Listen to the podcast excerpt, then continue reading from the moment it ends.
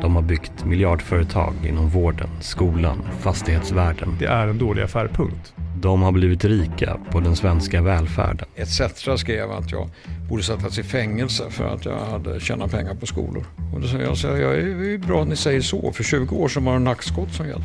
I ny poddserie från Dagens Nyheter följer jag, Björn af Klen, svenska välfärdsmiljardärer. Det är spännande att landa i att man skor sig på välfärden och det är enkelt att ta till sig. Och, och den ligger också svensken väldigt nära. Att det, det, det känns jobbigt för att vi är så otroligt stolta över det välfärdssystem vi har och vi ska vara det.